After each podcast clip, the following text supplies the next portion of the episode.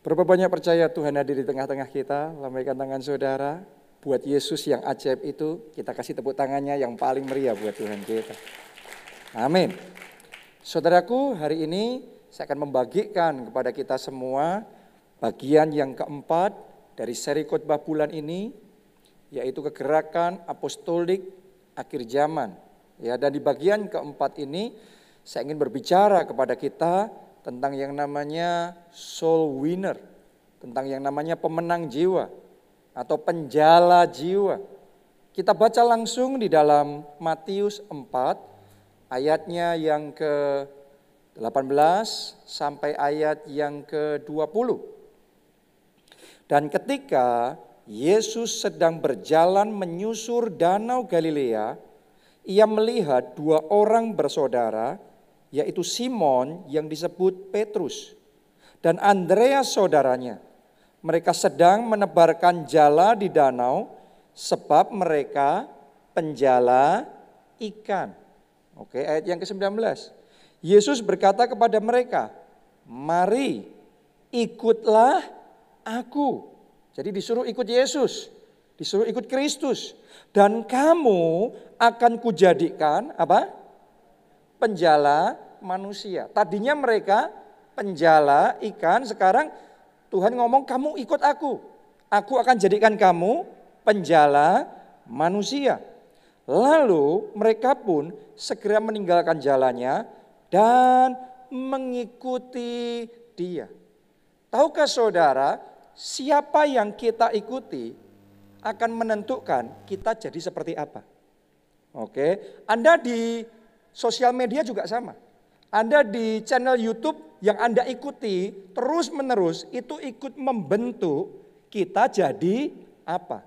Betul? Ya. Demikian pula ketika Petrus pada waktu itu mau mengikut Yesus. Petrus mau jadi pengikut Kristus. Orang Kristen disebut pengikut Kristus. Oke, Petrus mau jadi Petrus mau jadi murid Kristus.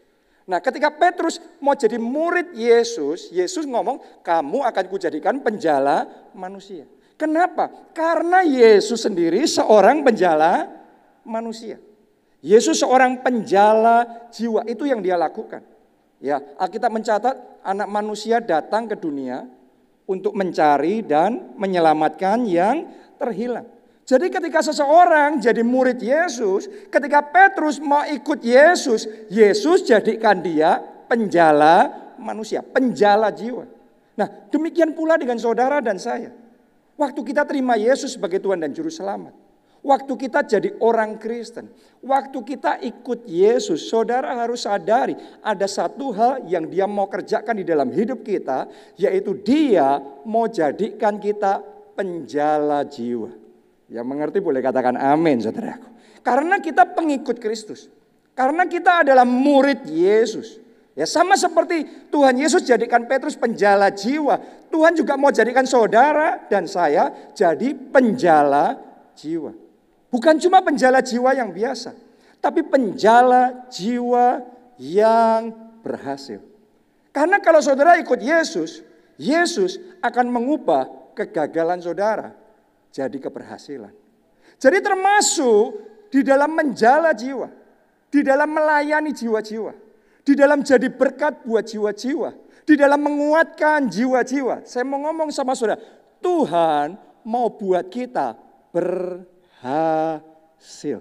Oke, kalau ada di antara saudara saat ini yang sedang bergumul di dalam hidup saudara, bergumul di dalam pernikahan saudara, bergumul di dalam keluarga saudara, bergumul dalam kesehatan, Mungkin dalam pekerjaan, mungkin di dalam keuangan. Saya mau ngomong sama saudara, ini waktunya saudara ambil komitmen ikut Yesus, Anda akan dibuat berhasil. Saya deklarasikan mulai hari ini kegagalan saudara berhenti. Mulai hari ini dirubah jadi keberhasilan. Dirubah jadi kemenangan. Mulai hari ini babak yang baru dimulai mulai hari ini Anda yang pengusaha jadi pengusaha yang berhasil. Amin. Saudara para profesional, saudara staf di satu perusahaan, Anda jadi profesional yang berhasil. Saudara sebagai anak Tuhan, kita semua sebagai pelayan Tuhan, kita jadi orang-orang yang berhasil. Yang percaya katakan amin. Kita kasih tepuk tangan buat Tuhan yang menjadikan kita berhasil. Nah demikian pula di dalam menjala jiwa. Di dalam melayani jiwa-jiwa. Tuhan mau jadikan kita berhasil. Tahukah saudara parameter suksesnya, parameter berhasilnya kita sebagai penjala jiwa adalah jiwa-jiwa yang kita hasilkan. Sama seperti kalau saudara adalah penjala ikan. Sukses apa tidaknya, dikatakan Anda melaut hari itu sukses apa tidak, adalah tergantung seberapa banyak tangkapan ikan yang Anda dapatkan. Benar? Kalau nggak dapat apa-apa, aduh rasanya gimana. Tapi kalau hari itu ada tangkapan yang besar, Anda ngomong melautnya nggak sia-sia, melautnya berhasil. Benar? Demikian pula dengan kita sebagai penjala jiwa, parameternya, tolak ukurnya adalah seberapa banyak jiwa-jiwa yang dikuatkan melalui hidup kita. Seberapa banyak kita jadi berkat bagi mereka. Seberapa banyak orang yang lemah tadinya, yang putus asa, yang yang kehilangan pengharapan, tetapi bangkit kembali di dalam iman. Datang kembali kepada Tuhan. Mereka mendapatkan kekuatan yang baru. Seberapa banyak saudara dan saya hidup kita menyaksikan kemuliaan nama Tuhan. Sehingga melalui hidup kita jiwa-jiwa diselamatkan. Keluarga saudara datang sama Yesus. Teman-teman saudara yang belum kenal Tuhan, mereka bertobat dan mereka menerima anugerah keselamatan. Mari kita baca di dalam Matius 12 ayatnya yang ke-33. Jikalau suatu pohon kamu katakan baik, maka baik pula apa? buahnya. Jikalau suatu pohon kamu katakan tidak baik, maka tidak baik pula buahnya. Sebab dari buahnya pohon itu dikenal. Jadi pohon disebut baik apa tidak ditentukan oleh apanya? Buahnya. Buahnya banyak enggak? Buahnya berkualitas enggak? Buahnya manis enggak? Ya, itu akan menentukan pohon itu baik atau tidak. Ya, sama halnya dengan kita kalau saudara seorang pengusaha. Saudara harus ngerti, Intinya kalau pengusaha itu berhasil, parameter utamanya apa? Kalau pohon tadi buahnya, bukan daunnya, benar? Bukan aksesorisnya, bukan yang lainnya, tapi buahnya. Nah kadang-kadang sebagian orang itu tidak bisa melihat parameter yang jelas. Ya, saudara sebagai pengusaha disebut sukses apa tidak tergantung dengan maju atau tidaknya perusahaan saudara. Ya, bukan tergantung seberapa kerennya kartu nama saudara. Oke, tidak ditentukan seberapa fashionable baju yang Anda pakai. Ya, banyak orang yang necis, banyak orang yang kartu namanya keren, kelihatannya semuanya hebat, tetapi bisnisnya belum tentu berhasil. Ya, berhasil apa tidaknya saudara sebagai pengusaha ditentukan di masa pandemi seperti sekarang resesi menghantam dunia seberapa kokohnya bisnis saudara bisa bertahan. Fondasinya seberapa kuat.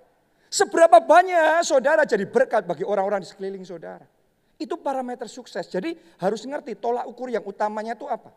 Kalau saudara seorang staff profesional yang bekerja di satu perusahaan, ya tolak ukurnya saudara adalah kontribusi saudara bagi kemajuan perusahaan itu. Ya, seberapa saudara mencapai target?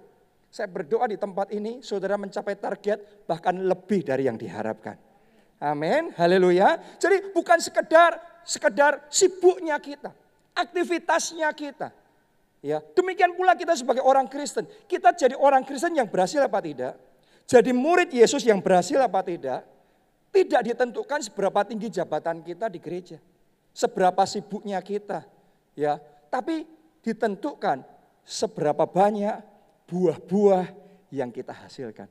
Dan saya berdoa jemaat keluarga Allah dan setiap orang di tempat ini maupun yang mengikuti secara online, saya percaya saudara semua adalah anak-anak Tuhan yang berbuah lebat.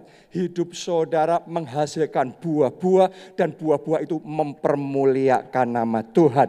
Melalui hidup saudara yang lemah dikuatkan, yang sakit disembuhkan, yang terbelenggu dibebaskan, yang terhilang diselamatkan. Kita kasih tepuk tangannya boleh yang meriah buat Tuhan kita.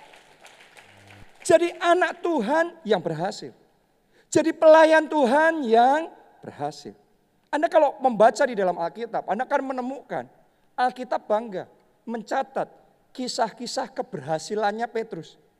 Sekali khotbah, 3000 jiwa diselamatkan. Wow, ini kayak luar biasa sekali. Bukan cuma itu aja, setelah itu nggak lama kemudian 5000 jiwa diselamatkan. Setelah itu Alkitab juga mencatat tiap-tiap hari Tuhan menambahkan jumlah mereka dengan jiwa-jiwa yang diselamatkan. Hari ini saya percaya sementara firman Tuhan disampaikan, urapan Tuhan datang atas saudara.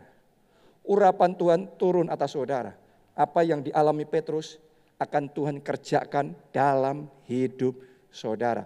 Tadi pagi sewaktu saya berdoa mempersiapkan firman Tuhan ini, Tuhan taruh satu hal, satu rema dalam hati saya untuk saya perkatakan buat saudara hari ini. Terima ini di dalam nama Tuhan Yesus, mujizat yang melampaui harapan. Tuhan kerjakan dalam hidup saudara. Tepuk tangannya pula yang lebih meriah buat Tuhan kita. Miracles that exceed our expectation. Mujizat yang melampaui harapan itu jadi dalam hidup saudara. Itu yang dialami Petrus. Bahkan bukan hanya sekali saja, terus menerus Tuhan kerjakan. Ya, justru di masa seperti ini, saya percaya ada banyak di antara kita yang akan punya kesaksian bahwa mujizat yang melampaui harapan itu Tuhan kerjakan dalam hidup kita. Berapa waktu yang lalu saya baru ketemu sama satu jemaat gereja kita. Saudaraku dia cerita ketika pandemi datang, krisis menghantam, ya bisnisnya terdampak. Dia punya restoran, restorannya masih buka terus, tapi setiap hari zero, nol pengunjung. Omsetnya nol. Ya, dia punya hotel, dia ngomong dalam satu bulan cuma laku tiga kamar. Itu bukan sehari tiga kamar, bukan seminggu tiga kamar. Satu bulan tiga kamar saja. Jadi sangat terdampak sekali. Tapi dia punya bisnis, juga satu lagi adalah di dalam bidang konstruksi. Dia adalah seorang kontraktor. Nah Anda tahu begitu banyak proyek-proyek konstruksi di masa pandemi ini dihentikan, benar? Atau ditunda, atau bahkan dibatalkan. Ya, nggak ada lagi, saudaraku. Berat sekali, susah sekali dalam kondisi seperti ini bagi banyak kontraktor.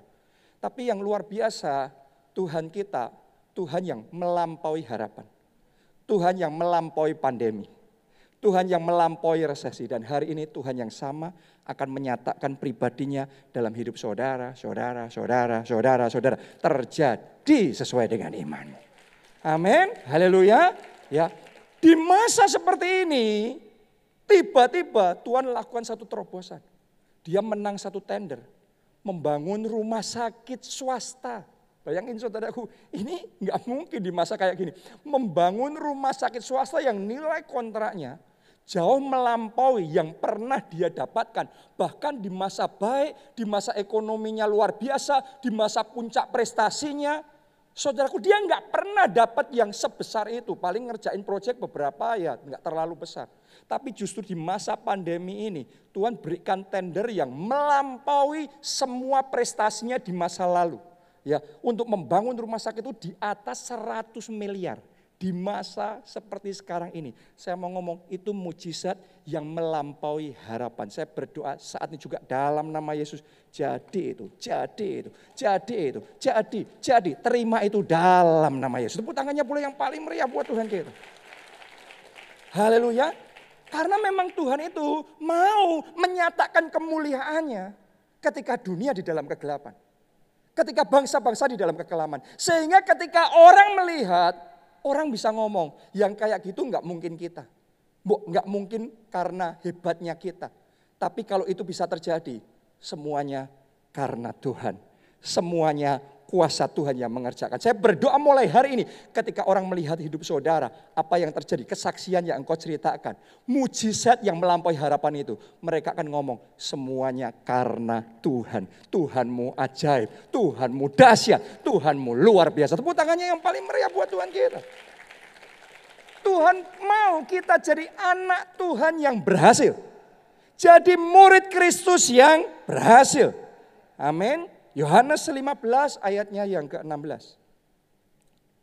Bukan kamu yang memilih aku. Tetapi akulah yang memilih kamu. Siapa di sini percaya Anda dipilih Tuhan? Katakan saya. Oke, semuanya kita dipilih oleh Tuhan. Dan bukan cuma dipilih. Kita mencatat begini. Aku telah apa? Menetapkan kamu. Anda percaya ditetapkan sama Tuhan? Ditetapkan untuk apa? Supaya kamu pergi dan apa? Menghasilkan buah. Dan buahmu itu tetap. Supaya apa yang kamu minta kepada Bapa dalam namaku diberikannya kepadamu. Saya percaya ibadah ini bukan ibadah biasa. Dalam ibadah ini akan ada banyak orang yang minta sesuatu dalam nama Tuhan. Sebelum Anda pulang, jawaban doa sudah sampai kepada saudara. Jawaban doa sudah Anda terima di dalam nama Yesus. Amin. Anda percaya? Jadi itu dalam nama Yesus. Haleluya. Nah, tapi Anda harus mengerti. Untuk itu bisa Anda alami, Anda harus menyadari Tuhan memilih saudara. Bahkan Tuhan menetapkan saudara. Untuk apa? Untuk kita berbuah. Jangan jadi anak Tuhan yang tidak berbuah. Jangan jadi murid Kristus yang tidak berbuah. Saya berdoa buahmu lebat.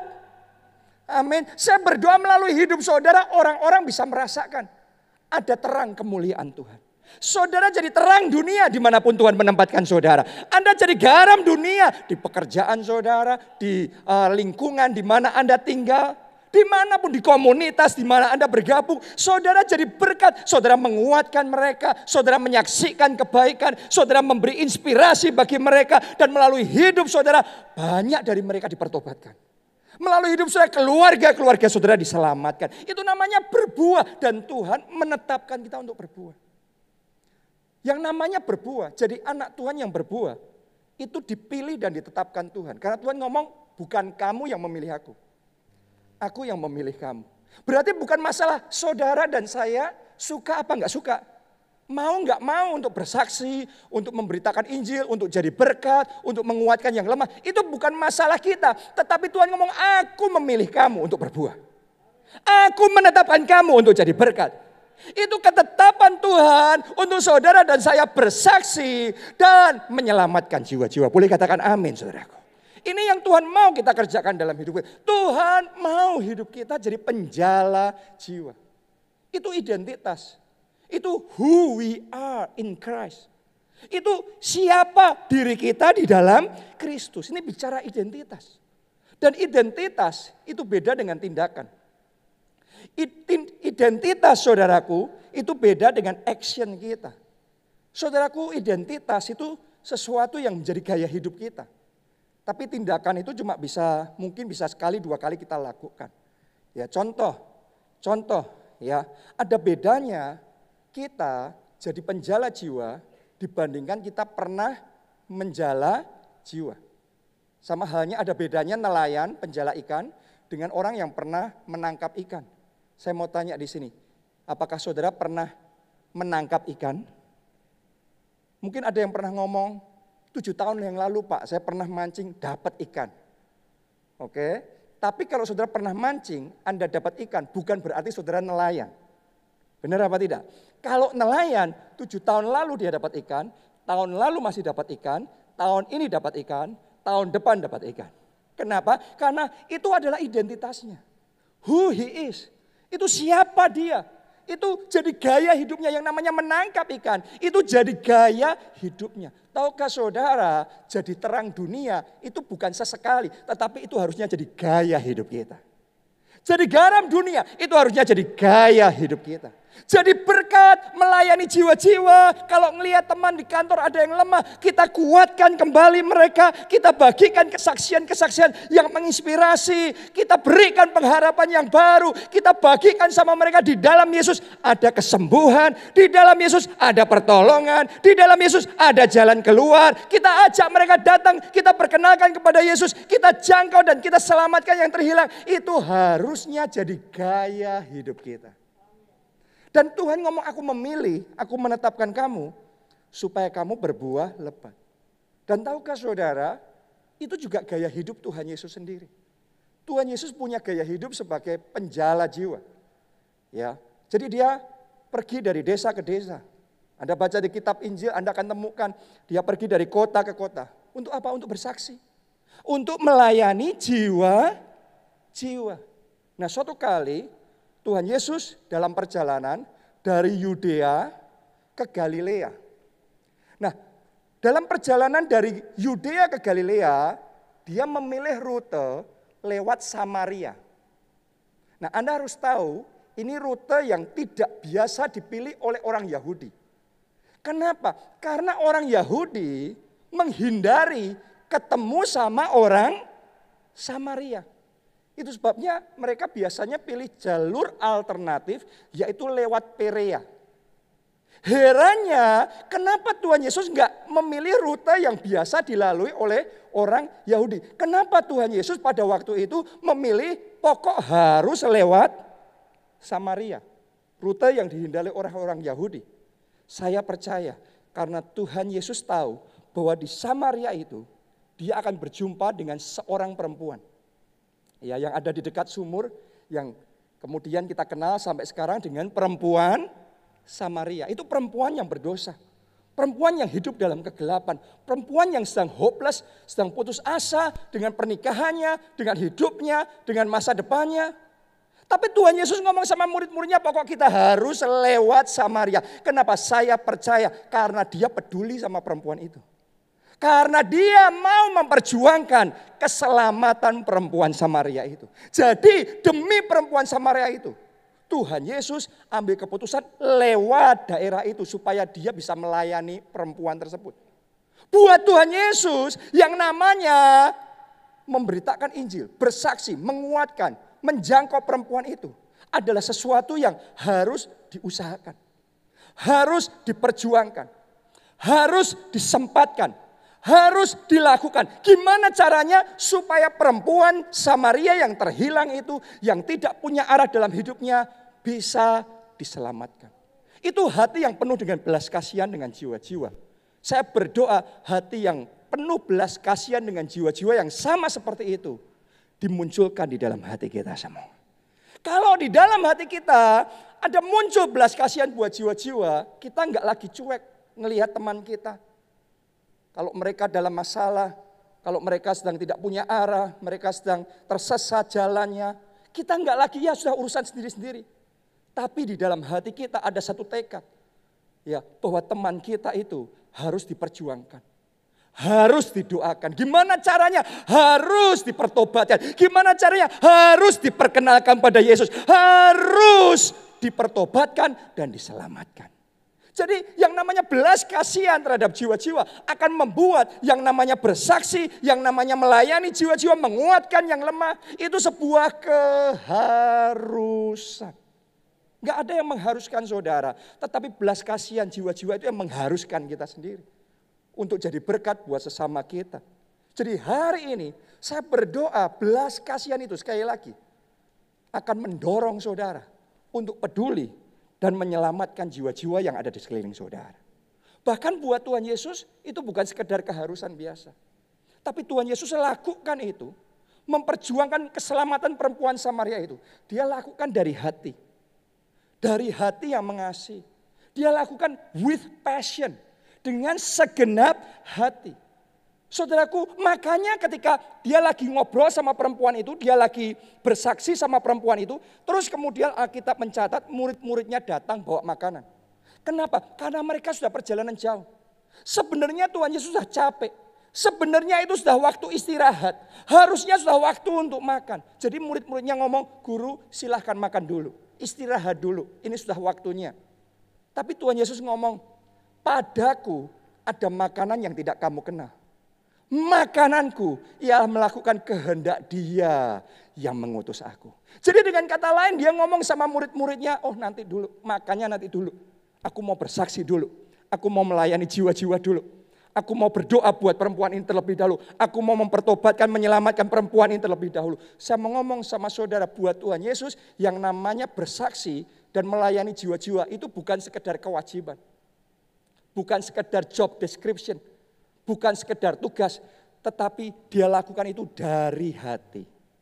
Coba saudara renungkan, kalau Anda bekerja hanya karena kewajiban tugas, sebelum waktu istirahat, sebelum waktu makan tiba, kita istirahat lebih cepat.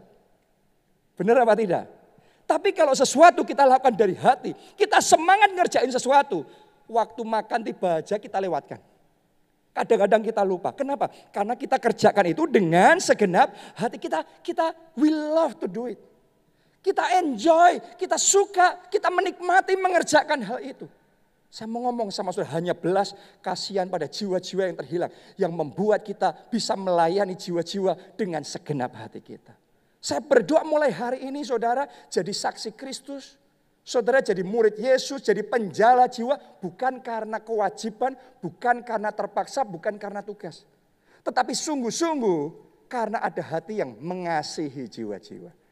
Amin. Haleluya. Coba anda renungkan. Tuhan Yesus ketika dia ngomong tentang bersaksi. Dia itu membandingkan yang namanya bersaksi. Melayani jiwa-jiwa dengan makanan. Tadi Yesus ngomong makananku ia melakukan kehendak dia yang mengutus aku. Kenapa? Apa hubungannya melayani jiwa-jiwa dengan makanan? Sebenarnya sederhana sekali. Karena kalau kita makan, makanan itu sesuatu yang nikmat. Makanan itu membawa kenikmatan buat Tuhan Yesus. Melayani jiwa-jiwa itu sebuah kenikmatan. Ya, melayani jiwa-jiwa itu mendatangkan satu sukacita ilahi. Suatu kali saya pernah mendengarkan kesaksian dari keluarga istri saya, ya dari mertua saya, saudaraku mereka berjuang untuk keselamatan uh, mama mereka. Jadi jadi uh, mertua saya berjuang untuk keselamatan uh, orang tuanya. Ya. Jadi mereka berjuang, mereka bersaksi, mereka mengusahakan gimana caranya supaya kenal sama Yesus, supaya datang kepada Tuhan, supaya menerima Yesus sebagai Tuhan dan Juru Selamat. Sekian tahun nggak mau, nggak mau, nggak mau. Tapi yang luar biasa, suatu ketika tanpa mereka sadari, Tuhan muncul menampakkan diri kepada orang tuanya. Dan karena Tuhan Yesus sendiri yang menampakkan diri sampai dua atau tiga kali. Tiba-tiba di satu titik, akhirnya buka hati dan terima Yesus sebagai Tuhan dan Juru Selamat. Ketika pertobatan itu terjadi, ada sukacita yang besar, ada kenikmatan, sukacita ilahi yang luar biasa muncul. Saya mau ngomong sama saudara, kalau saudara berjuang dan ada keluarga saudara yang berhasil diselamatkan, teman saudara yang berhasil diselamatkan, Anda akan merasakan kenikmatan menyelamatkan jiwa. Sukacita menyelamatkan jiwa. Jadi kalau hari-hari ini sebagian dari saudara sedang jenuh, mungkin karena di PSBB, Mungkin karena pandemi pembatasan macam-macam, ya saudara sedang jenuh. Saya mau ngomong sama saudara daripada mikirin diri sendiri terus, nggak bisa ini, nggak bisa itu. Ayo bangkit dan bersaksi, ayo bangkit dan jadi terang, ayo bangkit dan melayani jiwa-jiwa, ayo bangkit dan jadi berkat bagi orang lain melalui hidup saudara. Banyak jiwa diselamatkan akan Tuhan berikan sukacita yang baru dan kenikmatan yang luar biasa di dalam jadi berkat bagi banyak orang. Amin. Ya, yang kedua, makanan itu membawa kesegaran. Saudaraku, jadi segar. Saudara harus ngerti, yang namanya menyelamatkan jiwa itu membawa sesuatu itu jadi segar. Kalau ada di antara saudara yang sedang loyo, kelompok sel saudara sedang loyo, saya yakin orang kalau loyo terus itu fokusnya biasanya hanya sama diri sendiri. Di momen ini saudara fokus, bangkit dan jadi terang. Yesaya 60 ayat 1. Bangkitlah, menjadi teranglah, sebab terangmu datang, kemuliaan Tuhan terbit atasmu. Justru sementara saudara jadi berkat, Anda melayani jiwa-jiwa, Anda selamatkan jiwa-jiwa, Tuhan akan segarkan saudara kembali. Saya berdoa dalam ibadah ini, Tuhan segarkan jiwa saudara. Tuhan segarkan iman saudara. Tuhan segarkan dan Tuhan hidupkan kembali impian dan visi yang sudah terhempas Tuhan hidupkan, Tuhan segarkan kembali. Tuhan segarkan kelompok sel saudara kembali. Tuhan segarkan pelayanan saudara kembali. Tuhan segarkan ibadah kita kembali. Dimulai dari apa? Melayani jiwa-jiwa. Jadi berkat bagi banyak orang. Dan yang ketiga, yang namanya bersaksi itu mendatangkan kekuatan. Kayak makanan, mendatangkan kekuatan. Tahukah saudara ketika saudara bersaksi, saudara sejalan dengan maksud dan tujuan Tuhan. Jangan heran surga akan membackup saudara. Roh Kudus akan membackup saudara. Waktu Anda bersaksi melalui hidupmu banyak jiwa yang diselamatkan, banyak jiwa yang dikuatkan, disembuhkan, diberkati. Saya mau ngomong sama saudara, kuasa Tuhan akan mengalir deras dalam hidup saudara. Ketika Anda berdoa, Anda akan melihat mujizat terjadi. Ketika Anda tumpang tangan pada yang sakit, yang sakit akan sembuh. Amin. Ketika Anda bersaksi, Anda deklarasi profetik, maka mujizat dan keajaiban akan Tuhan kerjakan melalui hidup saudara. Saya berdoa yang kayak gini, saudara bisa tangkap.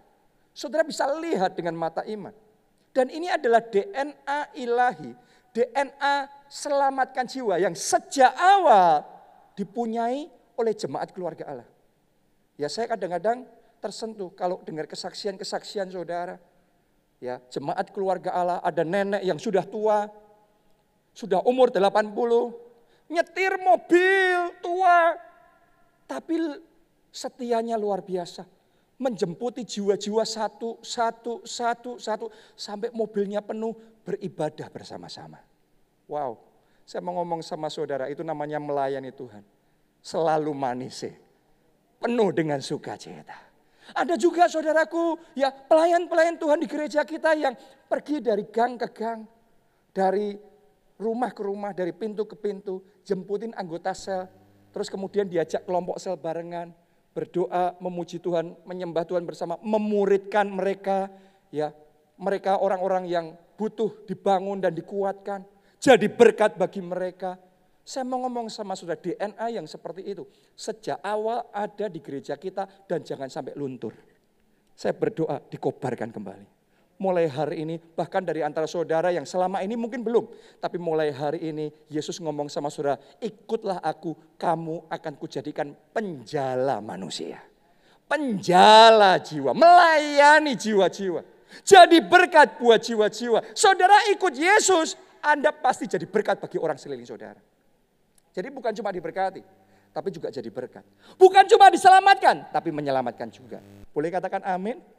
Bukan cuma dipulihkan, dipulihkan, pernikahanku dipulihkan, keluargaku dipulihkan. Itu pasti terjadi kalau Anda sediakan dirimu untuk dipakai Tuhan. Membawa pemulihan bagi orang-orang sekeliling saudara. Orang-orang itu dipulihkan, tapi Anda juga alami pemulihan. Boleh katakan amin, tepuk tangannya yang meriah buat Tuhan kita. Haleluya. Bahkan saya mau ngomong begini sama saudara. Saya mau ngomong seperti ini. Ya, Anda tunggu sebentar lagi.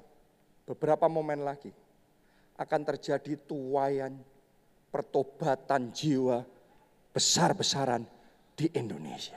Sekarang ini kalau kita melihat gereja-gereja di Indonesia di seluruh dunia kosong semua. Ya, karena sangat dibatasi. Di Jakarta saja mungkin kita satu dari sangat sedikit segelintir gereja yang masih buka. Benar apa tidak? Ya. Tapi saya mau ngomong sama saudara, saya sudah melihat dengan mata iman saya. Ya, ini Roh Kudus sedang siap-siap mengirimkan tsunami pertobatan jiwa besar-besaran akan terjadi kegerakan dan revival besar yang belum pernah dialami sebelumnya di bangsa ini, di Indonesia. Tuhan akan kerjakan dan negeri ini akan dipenuhi kemuliaan Tuhan. Amin. Yesaya 60 akan terjadi.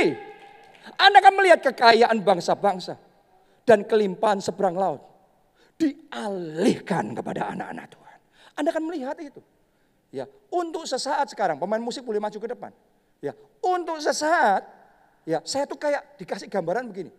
Sama seperti Petrus yang semalaman berusaha menangkap ikan tapi pulang nggak dapat apa-apa. Pulang nggak bawa apa-apa. Yang luar biasa setelah dia bekerja semalaman nggak dapat apa-apa. Dia ketemu sama Yesus, dia melayani, Ya, dia tungguin Tuhan Yesus. Akhirnya Tuhan Yesus ajak dia untuk melaut lagi. Dan Tuhan Yesus ngomong sama dia, sekarang tebarkan jalan. Ketika dia tebarkan jalannya, Alkitab mencatat. Mereka dapat tangkapan ikan yang besar sekali. Sampai satu perahu aja kurang. Dua perahu penuh, begitu rupa hampir tenggelam. Coba Anda bayangkan, Petrusnya sama, perahunya sama, jalannya sama kerja sudah seharian, nggak dapat apa-apa. Harusnya logika manusia berpikir, ya suruh nebar jala, mana dapat. Dapat pun paling berapa sih? Berapa ikan sih? Anda akan dikagetkan dengan apa yang Tuhan kerjakan di babak berikutnya ini. Tuayan jiwa-jiwa, tuayan berkat yang Tuhan akan kerjakan, kemuliaan yang Tuhan akan nyatakan akan mengagetkan saudara. Itu miracles that exit expectation. Itu mujizat yang melampaui harapan. Akan terjadi. Anda yang percaya Anda akan mengalami itu. Saya ngerti di tempat ini akan banyak orang yang punya kesaksian itu akan ada orang-orang mulai hari ini, ini akan jadi kesaksian banyak orang di tempat ini. Ya, mungkin pada masa pandemi, resesi, krisis, Anda terdampak. Anda sempat mengalami penurunan. Tapi saudara akan bersaksi. Ya, sekarang kemuliaan Tuhan dinyatakan. Dan Anda akan diberkati lebih dari sebelum pandemi. Bukan dipulihkan sama seperti sebelum pandemi. Tapi saya nubuatkan, saya deklarasikan berlipat kali ganda sebelum pandemi. Tuhan akan kerjakan dalam hidup saudara. Amin. Jadi yang namanya kegelapan dan kekelaman ini diizinkan terjadi dengan maksud ini jadi mimbar. Mimbar itu pusat perhatian. Untuk apa? Tuhan menyatakan kemuliaannya. Kenapa saya ngomong begitu? Karena kalau ruangan ini terang, terus satu lampu dihidupkan, kayaknya biasa aja. Tapi kalau ruangan ini gelap semuanya, terus ada satu terang yang nyala, jadi pusat perhatian. Benar apa tidak? Kenapa bumi dalam kegelapan bangsa-bangsa dan yang berkelaman? Karena Tuhan sedang bersiap, anak-anak Tuhan yang percaya, Tuhan akan nyatakan kemuliaannya. Dan ketika Tuhan nyatakan kemuliaannya, bangsa-bangsa akan berduyun-duyun datang kepada terang itu, kepada cahaya yang terbit atasmu. Anda akan jadi kesaksian. Anda akan jadi kesaksian. Saudara akan jadi kesaksian. Anda akan punya kesaksian juga. Akan ada mujizat yang melampaui harapan. Jadi itu dalam hidup saudara. Anda percaya? Yang percaya? Bangkit berdiri, bangkit berdiri. Kemuliaan besar dinyatakan. Keselamatan besar dicurahkan. Kau bangkitkan menjadi terang bagi bangsaku Angkat dua tanganmu, katakan kemuliaan besar. Lihat dengan mata iman yang terjadi, kemuliaannya besar. Ada kelimpahan besar, berkat besar, mujizat besar. Amin. Amin. Lihat itu dengan mata iman.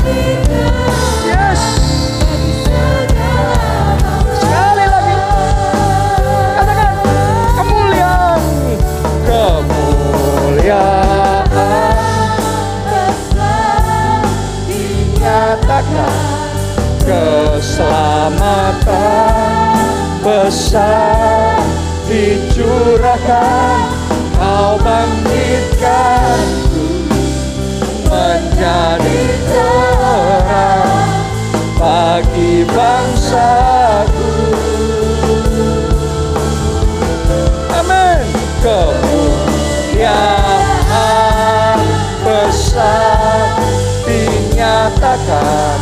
kelimpahan besar dicurahkan kau bangkitkanku menjadi terang bagi segala bangsa.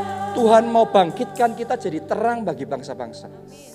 Waktu kita jadi murid Yesus, Tuhan mau pakai kita jadi penjala manusia. Penjala jiwa, melayani jiwa-jiwa. Jadi berkat bagi jiwa-jiwa, menjangkau dan menyelamatkan yang terhilang. Itu yang Tuhan mau kerjakan. Tapi Tuhan tidak mau kita mengerjakannya hanya karena kewajiban. Hanya karena tugas. Tuhan mau kita mengerjakan dari hati yang penuh belas kasihan dengan jiwa-jiwa yang terhilang. Tuhan mau kita mengerjakannya with passion. Dengan segenap hati. Saya berdoa supaya hati seperti itu diimpartasikan kepada saudara. Hati yang mengasihi jiwa-jiwa. Hati yang with passion itu diimpartasikan. Yang mau angkat dua tangan saudara. In the name of Jesus. Dalam nama Yesus. Hati yang penuh belas kasihan dengan jiwa-jiwa. Diimpartasikan dalam hidup saudara. Mulai hari ini Anda jadi berkat. Anda melayani jiwa-jiwa with passion dari hati.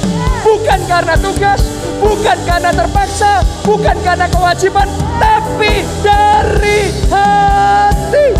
Hati yang mengasihi, penuh belas kasihan pada jiwa-jiwa. Oh, bangkitkan Tuhan, api, api penginjilan. Belas kasihan untuk jiwa-jiwa. Jadi terang dan garam dunia. Di mana pun Tuhan menempatkan kita jadi berkat melalui hidup saudara yang lemah dikuatkan, yang sakit disembuhkan, yang susah dihiburkan, yang terhilang diselamatkan. Oh, rala Oh, rala Jadi berkatnya with passion. Jadi terangnya with passion. Amin. Amin. Yang kedua, saudara. Yang kedua, saya ingin ajak saudara melihat dengan mata iman. Melampaui kegelapan. Melampaui kekelaman. Lihatlah, ini semua adalah mimbar yang dibangun. Untuk Tuhan menyatakan kemuliaannya. Walaupun realitanya secara jasmani saudara mengalami penurunan, Anda mengalami kemunduran, Anda mengalami kerugian. Tapi lihat kemuliaan besar. Lihat keselamatan besar. Lihat kelimpahan besar. Lihat itu, dengan mata iman sudah lihat itu. Kalau engkau bisa melihat kemuliaan Tuhan itu, Anda akan mengalami. Tuhan akan nyatakan itu dalam hidup saudara. Anda akan mengalami yang namanya mujizat melampaui harapan. Miracles that exceed expectation akan terjadi itu terjadi dalam pekerjaan dalam keuangan akan terjadi mujizat yang melampaui harapan saudara. Dalam kesehatan saudara akan terjadi mujizat yang melampaui harapan saudara. Di dalam setiap aspek hidup bahkan di dalam gereja kita di dalam ibadah kita di dalam kelompok saya kita akan Tuhan kerjakan mujizat yang melampaui harapan. Yang percaya angkat dua tangan. Bahasa roh oh basya rala basya rala basya Oh, ralabasya, ralabasya. Oh, ralabasya, ralabasya. In the name of Jesus. Semuanya ikuti saya. Katakan, di dalam nama Yesus. Lebih kuat lagi, di dalam nama Yesus. Mujizat yang melampaui harapan. Aku terima. Terjadi, terjadi, ini terjadi mujizatnya melampaui harapan terjadi. Terjadi. Terjadi. Yes. Yes. Haleluya. Kami percaya Tuhan kami percaya. Kami percaya. Yang paling kecil Jadikan kaum yang besar. Yang paling lemah Tuhan jadikan. Bangsa yang kuat. Sekali lagi Mari nyanyikan dengan mata iman saudara tertuju sama Tuhan. Yang paling kecil Tuhan jadikan kaum yang besar yang paling lemah. Yang paling lemah Tuhan jadikan bangsa yang kuat. Kemuliaan kemuliaan besar dinyatakan keselamatan besar dicurahkan kau bangkitkanku menjadi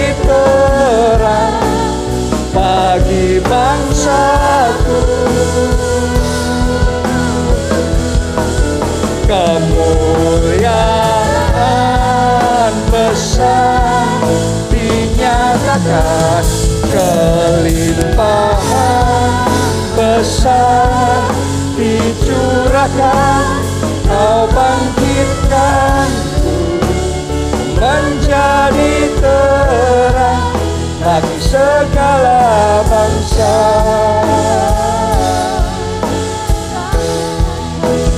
Kau bangkitkan menjadi terang bagi segala bangsa.